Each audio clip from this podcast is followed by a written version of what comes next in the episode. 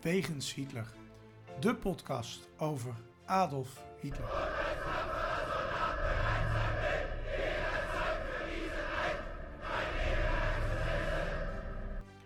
Dictator, alleenheerser van 1933 tot 1945. Een man met miljoenen doden op zijn geweten. Das war ein Befehl! Der Angriff Steiners war ein Befehl! Een man waar ongelooflijk veel verhalen over te vertellen zijn. Ook al die jaren na zijn dood. Adolf Hitler heute Nachmittag in seinem Befehlsstand in der Reichskanzlei bis zum letzten Atemzuge gegen den Bolschewismus kämpfen für Deutschland gefallen ist. In deze podcast gaan Sjoerd de Boer en Niels van Andel de wegen van Hitler af. Ze kijken naar bijzondere plekken, naar vroeger, naar nu. En ontdekken samen met de luisteraar het bijzondere verhaal van de Führer van Nazi Duitsland. Daar zijn we weer met een eh, nieuwe aflevering van Wegens Hitler. Een reguliere aflevering weer. En eh Sjoerd, eh, kun jij nog over straat? Nou, het wordt steeds moeilijker. Het wordt steeds moeilijker, hè? Het, eh, het is, de podcast wordt gewoon populair, dreigt te worden. Elke vrijdag naar de supermarkt en dan, en dan door de drommen. Eh, Mannen, vrouwen, het maakt allemaal niet uit. Hè? Iedereen is eh, wild enthousiast. En ik denk ook dat jouw boeken over de toonbank vliegen, want jouw naam is echt gewoon bekend aan het worden. En dat komt gewoon door de podcast. Dat komt door die podcast, Ja. daar ben ik van overtuigd. Dus ik neem aan dat ik binnenkort meedeel eh, als zal- in de podcast. Ja, ja ik, zal, eh, ik zal een eh, deel afdragen. Afdrachtregeling hebben we maar binnen de podcast. Maar die geldt natuurlijk niet voor iedereen, want bij ons in de podcast is iedereen gelijk, maar de een wat gelijker dan de ander. Ja, ja dat is Ja. een goede zaak. Precies. Ehm, wij gaan deze uitzending het weer hebben over ja, eigenlijk weer meerdere plekken stiekem. Het lukt ons niet altijd. Eigenlijk is het volgens mij pas één keer gelukt het echt over één plek te hebben. Ja, Eh, ja. stiekem verhuizen we altijd een beetje. We, we vernachelen ons hele concept, maar het wordt wel eh, gewaardeerd, denk ik. Ehm, we hebben weer een, eh, een volle uitzending. Dus ik stel voor dat we snel gaan naar het eerste onderdeel van onze podcast: Hitlers dagboek. Nein, nein, nein, nein, nein, nein! Hitlers dagboek. Waar was hij op welke dag en waarom? Ja, voordat we naar de datum gaan dat deze podcast online komt, want dat is op eh, 4 februari, als ik mij eh, niet vergis. Ja, ja. Ik hoop bij leven en welzijn natuurlijk. Ehm, moeten we eerst eigenlijk nog iets terug. Want afgelopen zondag was het 30 januari. En dat is op zich wel een bijzondere dag. ja, daar is wel wat mee aan de hand. Hè? Ja, Ja. vertel jij het maar Ja, gewoon vertel hoor. jij het maar. Nou, ik, ik las het ook op Facebook. Dat is natuurlijk een meest betrouwbare bron. Dus ik heb het Ja. meteen even nageslagen. Eh, maar op eh, 30 januari 1933 werd Hitler rijkskanselier. Mhm. En dat werd, eh, dat werd eh, nou ja, herdacht, eh, om het maar even zo te zeggen, dat dat weer zoveel jaar geleden was. Nu bijna 90 jaar geleden. Hè? Dus eh, dat eh, gaat Ja, ja. de goede kant op. Wij gaan het nog meemaken, het 100-jarig 100-jarig eh, bestaan van het Derde Rijk, om maar even zo te zeggen. Duizend denk ik niet, hè? Dat moeten we heel oud Eh, Nee, nee, nee, ja, ja, nee, dat gaan wij... eh, nou, ik ga een poging doen, hè. gaan het Medisch eh, gaan we de kant wel op, hè. Ja, precies. Ja. Eh, Ik ken daar trouwens nog een leuk verhaal over, over die datum. Nou, vertel. Ja, nou ja, eh, misschien heb nee, ik heb het volgens mij hier nog nooit verteld. 30 januari ook? Ja, nou, niet per se over die datum, maar dat, ik, ik, zat op, een- ik, ik ben een keer bij Rogers Mies op, op bezoek geweest. Dat heb ik misschien wel eens verteld. Dat was de laatste getuige die in de bunker was. Een van zijn lijfwacht, hè? E- Een van zijn lijfwachten, ja, die, eh, die, die nog leefde toen. En eh, nou, er was een mevrouw die we- reed mij daar naartoe. En die zag het nummer van zijn, van zijn huis. Dat was het nummer 130. En toen keek ze mij aan. En misschien heb ik dit dus al een keer verteld, maar ik weet het niet. Ik, ik vertel het wel vaker. Ze keek me aan en zegt, ja, 130, mooi getal, hè? Dus ik keek haar aan. Ik zei, ja, ik heb geen flauw idee waar je het over hebt. In mijn goede Duits. En ze zei, ja, is januari. eh 1 en de 30ste. Dat is de dag waarop Hitler eh, aan het bewind kwam. Dus ja, je wist meteen van in welke hoek je zat daar. Hè? Ja, precies. Dat, dat, eh, die eh, mensen zijn er ook nog steeds. ja. Diepe waardering Ja. hebben voor de... Ja, Mies wat minder hoor, maar die mevrouw die zat toch wel een beetje... Ja, de, de lijfwacht was niet meer zo'n fan. Dus, Kunnen we daar een Nou. een special over maken? Of eh, weet je daar niet genoeg van, van de beste man? Jawel, ja, oh, dat is Ja, prima. Ja, dat is leuk. ja. Misschien een keer special. Want die heb je ook notabene zelf gesproken. Dan Ja, ja, horen we het uit eerste hand, zal ik maar even ja, zeggen. gaan we doen. Ehm, gaan we doen. Ehm, maar goed, deze uitzending, 4 februari. En we gaan naar 4 februari 1938. Sjoerd, wat was er op die dag? Ja, dat is, we hebben het er eigenlijk eh, ook in een vorige aflevering hebben we het er ongeveer over gehad. Vooral die Fritsch. Je hebt, je hebt een crisis op een gegeven moment in de, in de generale staf. En, en Blomberg, dat was een hoge, de- dat was de hoogste baas. De, de- die had een huwelijk, die was getrouwd met een prostituee. Was een drama. Eh, dus die moest wijken. Fritsch, die betaalde voor seks met jongens, daar hebben we het over gehad. Eh, tenminste, dat werd gezegd. Eh, het is niet helemaal zeker. Dat, dat eindigde heel vervelend. Toen kwam die begraafplaats terecht eh, in Berlijn.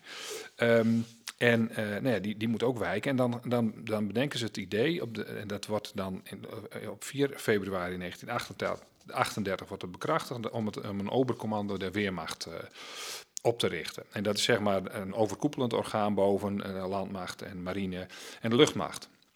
Nou, dat was eigenlijk een soort persoonlijke staf van Hitler. eh, eh, die die, die, die eh, nou, de plannen, zijn plannen een beetje moest uitwerken. En dat werkte ook niet altijd hoor. Ehm, en Willem Kuytel, die, die stond daar aan het hoofd. Nou goed, ehm, eh, eh, nou ja, het was dus wat minder succesvol dan wordt aangenomen. Want men zegt dan altijd wel van ja, Hitler was dan de baas van, van, van, van, nou ja, dat, eh, van het leger, van het complete leger. Maar goed, er waren ook allerlei krachten die, eh, die eh, andere beslissingen namen en andere dingen deden. Ehm, tenminste, voor zover dat Ja, kon. Niet iedereen was zo eh, gehoorzaam. Ik heb wel eens gehoord Nee, dat nee. ehm, bijvoorbeeld een generaal, eh, eh, of, later ook veldmarsjalk was die geloof ik, eh, Rommel, die, die had wel een slak aan de bevelen van Hitler. Die dacht wel eens van, ik weet niet waar jij leeft, maar ik luister niet in Ja, nou ja, en zolang hij daar winst mee boekte, dan is er natuurlijk Ja. verder niks aan de hand. Dat Nee, is, precies. maar goed, dat is dus deze datum, 4 eh, februari 1938, waarin zeg maar, ehm, nou ja, die, die andere legerstructuur, waarin Hitler echt aan het hoofd komt te staan van zijn eigen leger, als eh, eh, eh, ja, en terwijl die in de politiek natuurlijk ook de baas is, eh, nou ja, komt te staan. Ja. Ehm, en het OKW is duidelijk iets anders dan het OKH, het Overigens Commando des Heeres. Ja, want dat, dat is de landmacht. En, eh, en, en, de Weermacht is dan gewoon alle drie groepen in één keer. Ja, helder.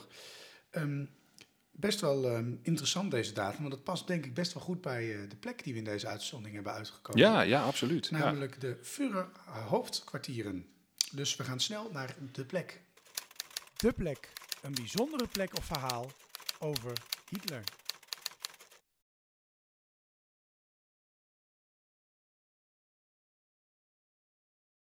In ieder geval. eh, Nou, misschien bij Eva Braun af en toe. ja, Eh, ik weet Braun, het niet. Ik was er niet bij. Die hield ervan. Ehm, eh, die, die lustte hem rauw, zullen we maar zeggen. Ehm, maar het uh, Führerhoofdkwartier, dat is eigenlijk best wel belangrijk geweest. eh, vanaf het moment dat eh, Hitler begon aan zijn ja, veroveringstocht in Europa. En later ook in Oost-Europa. Ehm, en dat waren allemaal bijzondere plekken. Hè? Dat was niet een eh, één vaste plek. Hij had er wel meerdere. En volgens mij Ja, gaan we het ja. daar ehm, over hebben. Ja. En we beginnen in een trein. In 1939 in Polen. Hoe ging dat in zijn werk? Ja, nou ja, ehm, kijk, in het begin in, in, in Polen had hij eh, een- nog niet de beschikking over een bunker waar hij zich in kon eh, verschuilen en waar hij plannen kon maken. En eh, daar gebruikte hij zijn zogenaamde Sonderzug, noemden ze dat. En Hitler had er een en er waren er meer die zo'n zo'n soort trein hadden. Dat was een hele luxe uitgevoerd, uitgevoerde trein met een, met een salonwagen. Is- die hadden koningen hadden dat, hè. Eh, ik weet niet. Willem heeft er nog een, hè, Alexander. Ja, nee, ja die is, heeft hij een echte salonwagen? Volgens Dat wel- hij heeft wel een privétrein. Ja, volgens mij een hele luxe trein Ja, wel, hoor. ja. Ja. Met, hij had een, een bad daarin, weet je wel. eh, met, dat schuddende, met die schuddende draaistellen. Dat is heel Een van de interessant. eerste bulbaden. Ja, dat zal wel, ja. ja, ja. eh, eh, eh, Golfslagbad. Geuring had ook een privétrein trouwens. Dat vind ik ook heel mooi. Die had ook een bad. Ik ben benieuwd hoe dat bad eruit heeft gezien. Maar Nou, goed. vrij groot Ik heb daar wel foto's van gezien, maar ah, je- die was helemaal uitgerust met van alles en nog wat. Ja, de communicatiewagen, wagons voor personeel, andere mensen die meegingen, een keukenwagen. Soms was er plek voor, auto, dan, voor een auto en dan kon hij een tocht met de auto maken. Eh, en die reed eigenlijk met die trein achter de troepen aan. En dan werd hij vaak, als, als ze dan ergens stopten, dan, meestal in de buurt van een tunnel, want je kon natuurlijk eh, last van vliegtuigen krijgen, dan Ja. kon die trein Daar snel had hij wel tunnel. verdediging tegen natuurlijk. Ja. had wel een vlakkanon. Ja, er zat ook een, inderdaad een vlak geschut. zat er, Lucht, zat er, luchtafweergeschut voor de luisteraars die niet Absoluut, weten wat ja. vlak is. ja, ja. Ik vraag me wel eens af, hè, ik heb wel eens zo'n plaatjes gezien van zo'n trein. Als er nou toch een hele zwerm bolwerpers op je afkomt, dan schiet je toch niks op met één zo'n geweertje. Eh, nee, nee, dat is, dat is ook nooit ge- gebeurd. Dus dat Nee, is dan wel weer. interessant. Maar ja, goed. Ja, ja, dat was inderdaad, hadden wij weinig eh, uitgericht. eh, Ja, ik, precies. Ja, dat was wel heel gezellig dapper geweest. Ja, ja. Nou goed, eh, weet je, eh, eh, vanuit daar werd dan, en dat, dat, is dat Führer-Hauptkwartier idee, dan had je daar natuurlijk ook een overlegruimte met kaarten erop. En dan kwamen dan de generaals en de uh, maarschalken en de adjudanten van Hitler, die waren daar allemaal aanwezig. En daar gingen ze plannen maken. Of in ieder geval, nou ja, waar, waar, staan de poppetjes op dit moment? En dat werd dan besproken. Vanuit een trein, toen nog. Ja. En daarna gingen ze terug naar Berlijn, want nou ja, goed, we weten allemaal, Polen heeft het niet volgehouden. Twee weken of zo, hè, toen was het voorbij. Ja, het was niet lang. Nee, een paar weken. Ik heb zes weken is Frankrijk, volgens mij was het ook iets van twee weken. Doet er niet toe. Ze werden verslagen. Maar het was nog niet voorbij van meneer Hitler, want ook wij kwamen de beurt. België, Luxemburg en Frankrijk worden binnengevallen. Ging dat ook per trein? Ja, nou, dat is wel grappig. Um, uh, uh, nee, eigenlijk niet. Maar ze gingen er wel per trein naartoe. En uh, ik, ik, heb ooit een beschrijving daarvan gelezen dat, dat nou, iedereen ging de trein in. Want nou, Hitler ging er op pad en dat deed hij wel vaker. maar hier, ja, ze wisten eigenlijk niet precies waar ze naartoe gingen. Maar je kon natuurlijk wel zien welk spoor de trein nam. Dus ze wisten wel, ja, we gaan naar Hamburg. dat gebeurde niet, want bij Hamburg ging de trein naar het zuiden. Uh, nou ja, laten we zeggen, uh, visueel kun je ze zeggen een beetje langs de Nederlandse grens. Uh, naar beneden, totdat ze in, in, in de buurt van Roder, Rodert, dat is een klein dorpje, daar niet, niet heel vlakbij hoor, want daar was geen station. Maar in de Eifel, Bad Münster-Eifel, is het dorpje dat er vlakbij ligt. Um, ja, dat is eigenlijk het, het eerste vuur- met een bunker. Uh, waar hij naartoe ging. Dat heet, die, die bunker die, die heette het, het Velzennest. Dat is op een heuveltje vlak buiten een dorp. Als je er naartoe gaat, uh, uh, je kunt het op kaartjes ook gewoon terugvinden. En op mijn website, de Hitlerpages, kun je het ook vinden. De exacte locatie. Daar is nog gewoon de, de, resten van de bunker zijn. Die, die hebben ze wel later opgeblazen toen. Zoals de, alles. Zoals, ja, alles werd opgeblazen toen de geallieerden eraan kwamen. Maar goed, ehm, dit was zijn favoriete uh, um, plek. Even zijn favoriete Führerhauptkwartier. Want kon je kon daar de vogeltjes zo mooi horen zingen. Dat heb ik wel eens ergens gelezen. En, uh, maar het was ook de eerste en hij was succesvol.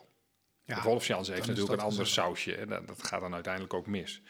Um, uh, ja, er is een dorpje, er is een, daar, daar staan bunkers in. Uh, je, uh, er is een bioscoop en je hebt zeg maar begeleidingstroepen die daar gestationeerd zitten. Dus het is wel een heel circus als hij daar zit.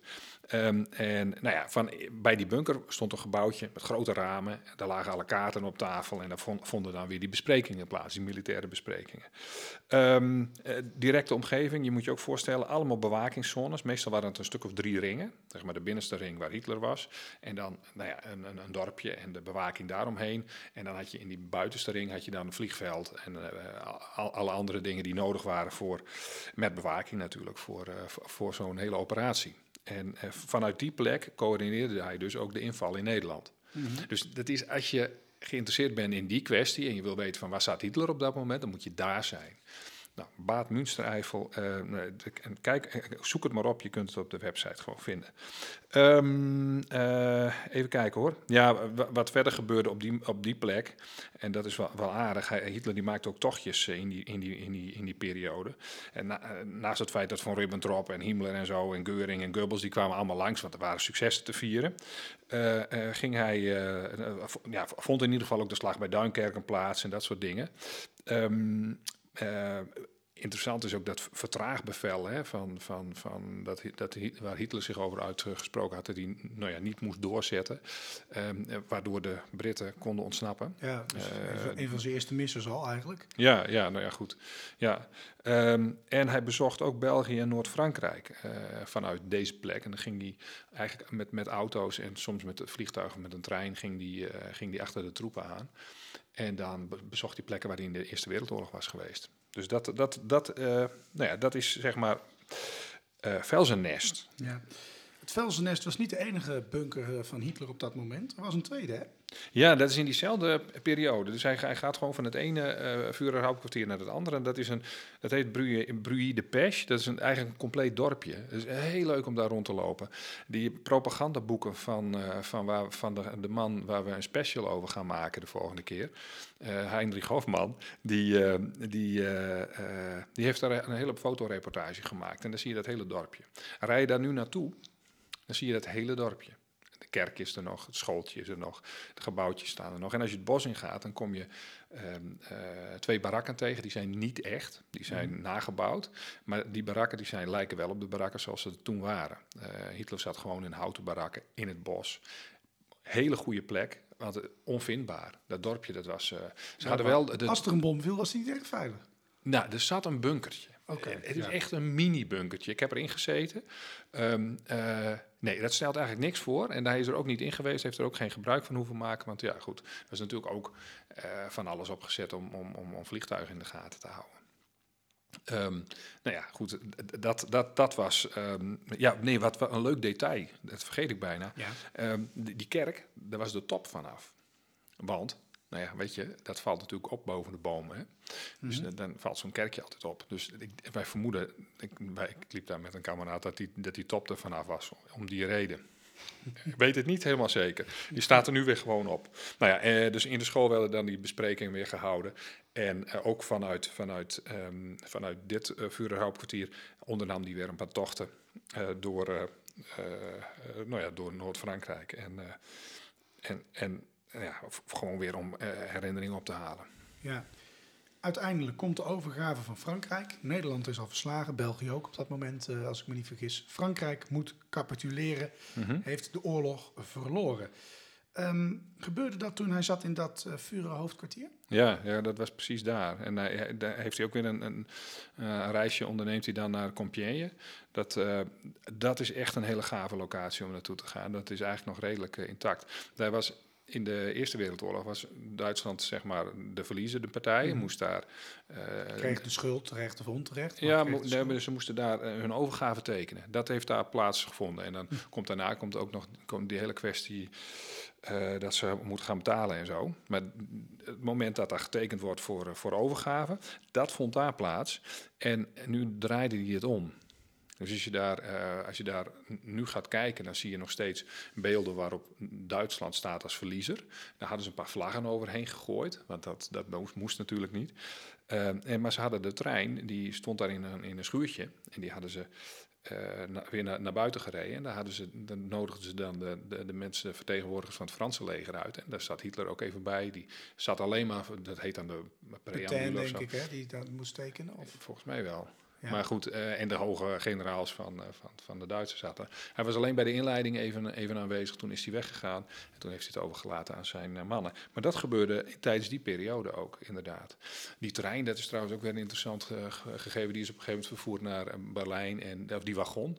Mhm. En die is ergens in een bombardement is die, naar de knoppen gegaan. Er Zonde, staat nu een, een replica. Een replica. Ja, en dat doen in, in, in een documentaire was ooit een Nederlandse journalist. Die deed helemaal zijn schoentjes uit voor. Want het is natuurlijk een historische eh, nou, onzin. Het is een replica.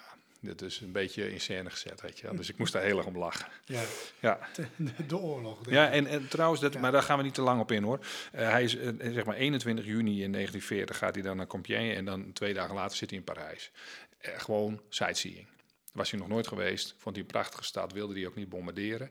Maar eh, nou was hij er ook om, om Daar had hij een stuk minder kijken. moeite mee aan het eind van de oorlog. Eh, nou ja, Rotterdam was ook al geweest, hè? Ja, precies. Dus eh, hij had daar niet principieel... Ja, Rotterdam, ja, ik weet niet. Het was Nee, vroeger wel een stuk het mooier dan nu. vernietigingsbevel voor Parijs. Uiteindelijk. Parijs moest vernietigd worden. Was het bevel. Ja, als jij het zegt. Ja, nou ja, goed.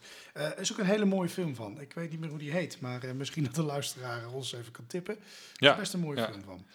Ehm, ja, en dan ging hij terug naar Duitsland. hij gaat terug naar Duitsland. Ja. Ehm, naar Berlijn? Eh, nee, nee, nee, want daar zat ook nog weer, vlak over de grens, zat het, het, het Führerhauptquartier Tannenberg. Oh, had Er maar wat, zeg die man. Ja, joh, dat ding was toch gebouwd. Hij ze nog zag, geen WhatsApp in die ik tijd? ga daar eens even lekker kijken. Het zit in het Zwarte Woud. Ja. Ja, daar, daar is niet veel meer van over hoor. Maar de overwinning was binnen, dus dat- hij had daar ook niet zoveel meer te coördineren. Ehm, hij ging wel naar, naar, bij, bij soldaten, gewonde soldaten, eh, ging, ging die op bezoek. En deed een tri- tripje naar de Elzas. En ehm, nou ja, daar, daar, op een gegeven moment krijgt hij wel het zogenaamde afsloesbericht. Dat is op 2 juli. Dan, eh, eh, Wat, wat eh, betekent dat? Afsluitbericht? ja, dat is gewoon het laatste bericht wat vanuit het leger over die nou ja, invasie zeg maar, komt. En daarmee is de, de, nou ja, de, hele, de hele veldtocht is afgesloten. Dat, die ontvangt hij daar. En dan, nou ja, naast trouwens een invasieplan van Groot-Brittannië, werd ook nog eventjes werd besproken, ehm, is het dan gewoon klaar en afgerond. En kunnen ze weer terug. Nou, dan gaat hij even naar Berlijn, gaat hij even naar München en dan gaat hij even lekker uitrusten. Een ruime week op de Open Salzberg. Ja. Ook Ehm, trouwens een, op een gegeven moment een Führerhauptkwartier, omdat eigenlijk alles waar je besprekingen deed om iets te coördineren, dat gebeurde daar soms ook, eh, ja, dan noemde je dat zo. Je hebt daar een documentatiecentrum waar volgens mij ook zijn bunker nog zit, hè? Een deel van zijn bunker. Ja, Ja, deel waar hij zat, zijn kamertje was, is niet meer toegankelijk. Maar eh, je kunt er heel dichtbij komen. Je kunt het hele stelsel kun je door. Dat is heel interessant ook, ja. ja.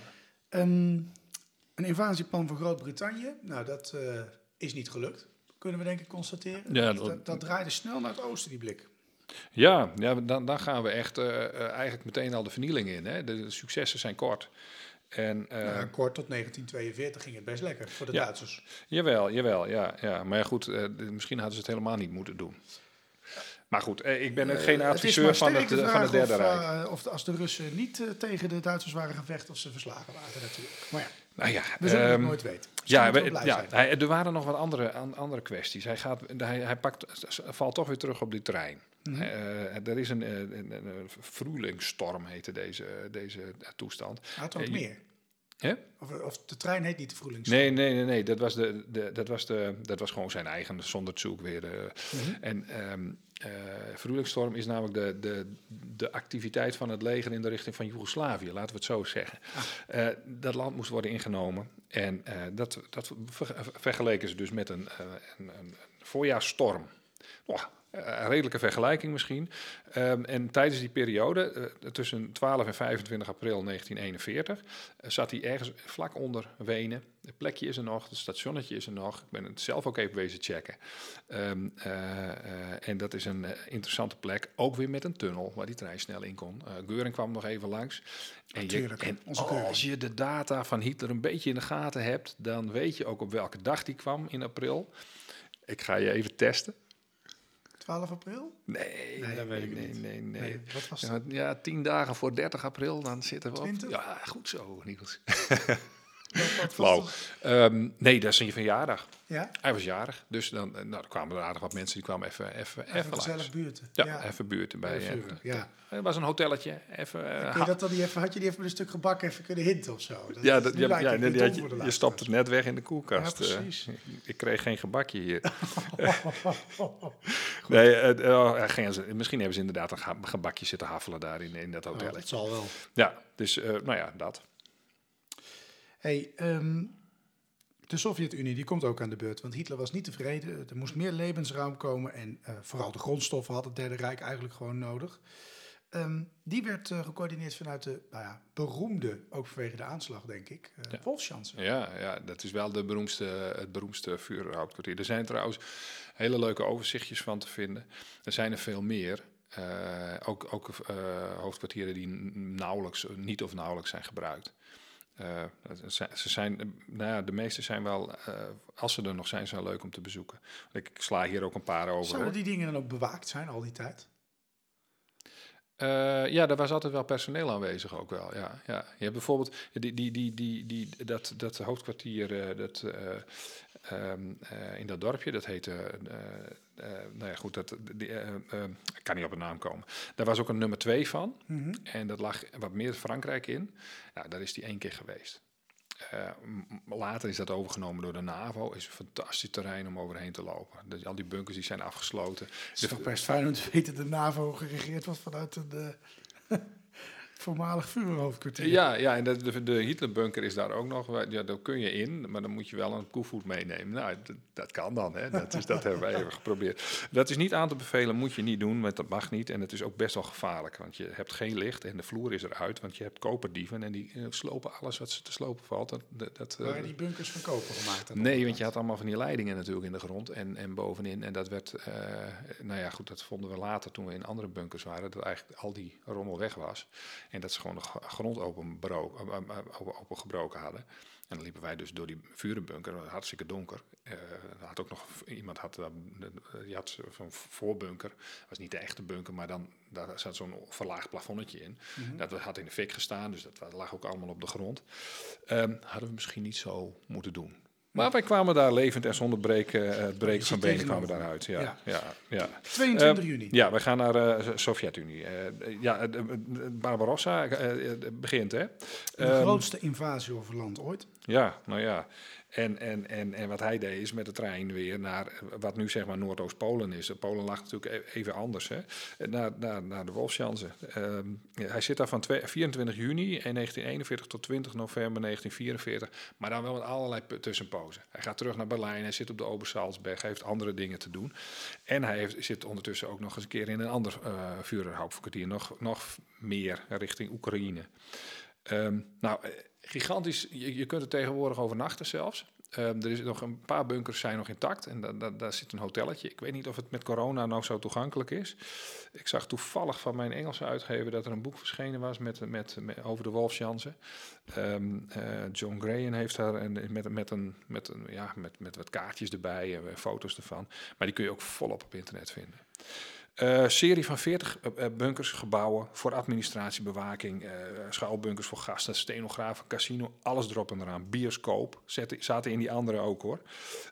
Ja, Frits Stoot, Albert Speer later dan, Hitler, Geuring, hadden allemaal persoonlijke bunkers. Er zat het eigen station bij. nou ja, en ook weer van die ringen van bewaking met een vliegveld in de buurt dat ze konden gebruiken. En dat allemaal voor de coördinatie van de slag met de Sovjet-Unie. Um, bekendst inderdaad om de uh, aanslag van, van, van, uh, von Stauffenberg. Um, ja, uh, kennen we dat verhaal al? Gaan we dat nog vertellen? Nou, ik, ik denk dat we, kijk, we kunnen grof vertellen, er is een aanslag geweest, punt. Maar Ja. ik denk dat we over alle aanslagen op Hitler, dat we daar wel een paar specials over vol kunnen maken. Uh, ja, dat is een, dat is een hele dat- serie. ik denk dat we daar echt, dat dat het geschikte moment is. En dan kunnen Ja. we ook eens helemaal uitdiepen hoe die eigenlijk het Duitse leger wilde overnemen. Want dat is best wel ja, interessant. dat denk is een interessante kwestie. Dus ja, eh, ja. eh, voor de luisteraar algemeen, hou me warm. Eh, wij kunnen nog jaren door. We krijgen ook berichten dat we dat vooral moeten doen. Dus eh, we moeten niet alles in één keer weggeven. Nee, nou, wij kort, kunnen, wij kunnen ook vaker gaan uitzenden. Dat is prima, maar dan moeten er wel stortingen volgen. Ja, hè? Want, want anders dan gaan we dat niet Nou, redden. er zijn podcasts die dat doen, maar voordat ze jouw salaris kunnen vervangen, moeten we nog wel wat luisteraars krijgen. Ja, nou, ja, maar Een taalmuurtje, dat we dan gewoon elke dag een aflevering hebben, maar dat je een soort app moet kopen. ja, dat is misschien een goede zaak. Ja, we zoeken wel wat investeerders dan die dat kunnen ontwikkelen. Dus als je luistert en denkt, ik zie een gat in de markt. John, als je luistert, wij zijn bereid de vrijdagavond te gaan vullen. We lopen met uw t-shirt, geen probleem. Precies. nou ja, eh, terug. Wij- ja, ja, overleeft hij. Ja, je- weet je, als je er nu naartoe gaat, dan, dan is een deel dus ruïne en dan, dan is, is een deel nog een beetje intact. Maar je, je ziet wel eigenlijk precies die structuur op die kaartjes, zie je daar, eh, die zie je daar gewoon eh, liggen. En dat is wel heel interessant. Tussendoor gaat hij nog naar Weerwolf in, eh, bij Vinica. Ik weet niet Klinkt als hoe een dat... spelletje. Ja, ja, je kunt het oogjes dicht en dan, ehm, eh, nou ja, Oekraïne, dat was echt een, een plek. Voor de eerste keer dat ik dat ontdekte, eh, kreeg ik van iemand eh, via internet kreeg ik een aantal foto's. Dan zag je wat stukken beton op een veldje en meer was er niet van over. Dat is echt, daar is echt helemaal niks meer van over. Nu hebben ze er een soort gedenkoord van gemaakt. Kijk, die troepen die trokken verder het land in en toen zaten ze toch wel heel ver van, van, achter, de, achter de linie. Dus toen zijn ze daar een tijd gaan zitten. Nou, dan heb je het over 1942, eind eh, 42 en begin 43. Eh, en dan, in augustus zijn ze er ook nog even geweest. Eh, eigenlijk stonden daar vooral houten barakken en, en, en, en een stuk of drie bunkers. Eh, bewaking eromheen, weet je. Eh, allemaal luxe, een teenhuis, een kapper, een bioscoop. Was ook allemaal hier. Eh, maar goed, eh, zoals gezegd, er was niks meer van over. Ehm, we komen dan ook al in de richting van, van, van, eh, van het einde van de oorlog. Want weet je, hierna trekt hij zich weer terug. En dan, als hij dan in, naar zijn Führerhauptkwartier gaat, dan gaat hij naar Wolfschanze weer. Want dat, nou ja, goed, eh, op een gegeven moment valt eh, de Oekraïne weer in handen van de Russen. En dan is het op 20 november 1944, dan is het echt afgelopen met Hitlers en, Hitler en zijn hoofdkwartieren. Want hij verlaat dan voor de laatste keer de Wolfschanze en dan pakt hij de trein terug naar Berlijn. En dan gaat hij onder de grond zitten wachten op zijn einde. De ad Hitlerum, het onjuiste gebruik van Hitlers naam. Ja, we blijven een beetje in de sfeer van het Führer hoofdkwartier. ehm, met onze Ad Hitleren. En waarom zeg ik nou hoofdkwartier? Eh Sjoerd, het zal jou niet ontgaan zijn. Er zijn wat spanningen met de Russen. Ja, Dat is eigenlijk een erfenis die we nog steeds aan Hitler te danken hebben. Maar daar gaan we het zo nog wel even over hebben, denk Mhm, ik. mhm. Ehm, maar interessant was dat er iemand eh, in een krant, ik heb geen flauw idee wie, ehm, een stukje instuurde. En er staat in Rusland NAVO-lid. Het zal wel ongelooflijk naïeve gedachte zijn, maar waarom vragen we Poetin, dus Rusland, niet gewoon lid te worden van de NAVO? Volgens mij zou dat een heleboel problemen oplossen. Ik denk dat het een ingezonden stukje is in een krant. Denk het ook. Ik denk de Volkskrant, als ik het zo zie, maar ik durf het niet eh, te bevestigen. Mhm. Ehm, en daar reageert iemand op, ongelooflijk naïeve gedachte. Briljant, zoals Chamberlain Hitler had moeten uitnodigen toe te treden tot, het, tot de Commonwealth, had de wereld een hoop ellende bespaard. Is dit nou een ad Hitler? Ja, natuurlijk. Ja, vind ik wel, ja. Ja? Ja, ik vind het wel een ad Hitler- ad Hitlerumpje. Ehm, eh, eh, kijk, je vergelijkt eh, eh, dat. Eigenlijk, eigenlijk is het een sympathiek voorstel. Hè. Het is niet helemaal realistisch, maar dat zegt hij zelf ook al. Dus Mhm. alle kritiek die hij erop kan uiten, heeft hij al allemaal in dat, in dat stukje. Het ongelooflijk naïeve gedachte, inderdaad. Maar eigenlijk zegt hij gewoon: laten we, laten we het vredevol zijn en laten we elkaar niet de kop inslaan. Mhm. Ehm, eh, kom gewoon bij de NAVO, dan zijn we allemaal vriendjes. Nou, eh, prachtig voorstel. En dan komt er natuurlijk een eh, cynische opmerking. En die is ook terecht natuurlijk, want het is inderdaad ook briljant. Maar het gaat niet om Chamberlain en Hitler. Het gaat om Poetin en de NAVO. Ja. Ehm, eh, het, het, het, wat ik het grappige van deze eh, ad Hitler vind, is dat hij wel duidelijk maakt eh, dat het binnen de verhoudingen zoals die nu liggen toch wel eigenlijk een, een, een, een, een eigenaardig idee is. Eh, Ja. eh, maar goed, Ah, ik denk Hitler dat is die ook niet... persoon dat ze kast, dat is overduidelijk natuurlijk briljant. Het, je, Ja. het, ja, het, Ja. briljant dat we daar niet aan gedacht hebben. Ja. Ehm, het is natuurlijk wel een heel andere tijdsgeest en dat maakt het ook een, een ad Hitlerum. Ehm, Ja. Ik, je kunt een hoop zeggen van Poetin, maar ik vind hem weinig weg. Want eigenlijk zeg je ook, Poetin is Hitler. Ja, dat zeg je. Dus, de- de- dat maakt het ad Hitlerum. Dus Ja. het is niet de reden voor, het, eh, voor, voor de zogenaamde naïviteit.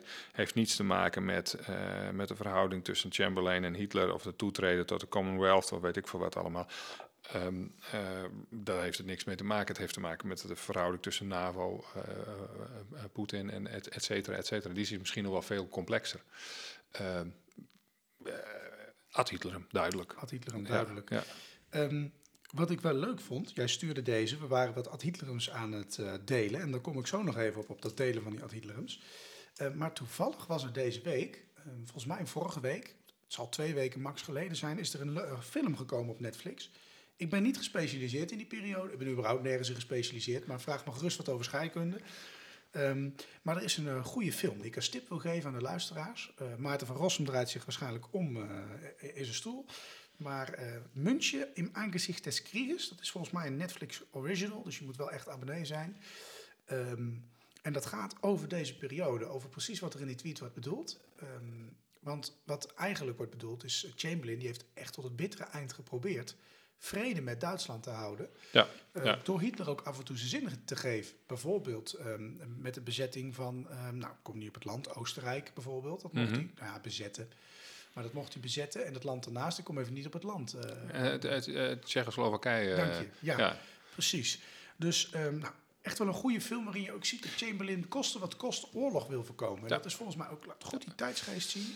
Ik heb hem al gezien, inderdaad. Eh, ik kon niet slapen s'nachts, dus ik denk, ga die film maar eens even kijken. Ja. Maar, eh, ja, wat ik heel erg leuk vind, is dat, dat de, de, de, de eh, juiste locatie ook, ook is gebruikt. Dus het gebouw waar de onderhandelingen plaatsvinden. Ik kan wel heel direct zien dat het in, in het nu is, want de bomen staan er namelijk en die stonden er vroeger nog niet. Die, die- maar goed, dat zijn van die details, die vallen me dan weer op. Maar ehm, eh, eh, ja, dat, dat, dat ziet er gewoon echt goed uit. Ja. Dus, dus ze zijn ook echt op de juiste plek geweest en daar hebben ze het ook mogen opnemen blijkbaar. En dat is heel aardig. En, en, en Chamberlain komt er inderdaad niet af als het lachertje wat hij bij de geschiedenislessen af en toe wel eens is. Van ja, weet je, hij geloofde in Hitler en bla bla bla. En eigenlijk stond hij gigantisch voor lul eh, in de geschiedenisboeken altijd.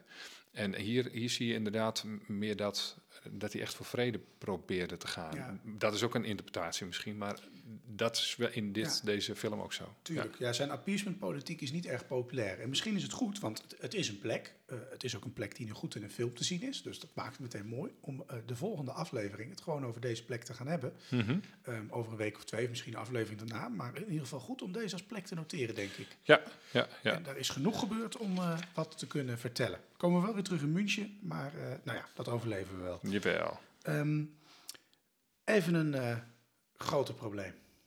Onze ad Hitlerums dreigen ten onder te gaan. Want het wordt toch wel steeds moeilijker. Kijk, er wordt heel veel over Hitler gezegd. Maar of het nou directe ad Hitlerums zijn, dat is soms nog wel eens lastig. Ehm, dus wij, wij roepen onze luisteraars eigenlijk op met een noodkreet. Want anders sterft dit gedeelte van de podcast. En dan wordt die korter. En dat willen onze luisteraars denk ik niet.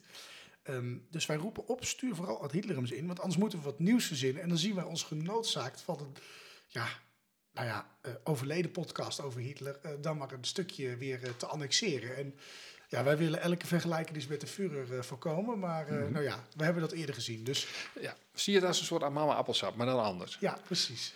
Kom door met Ja, de kom, kom, dan maken we misschien een top 10 op een gegeven Ja, moment. precies. Een verkiezing ja. van de ad Hitlerum van het jaar. We hebben heel de plannen, maar wij roepen onze hulp in van de luisteraars. We hebben het al een beetje genoemd. De spanning met Rusland.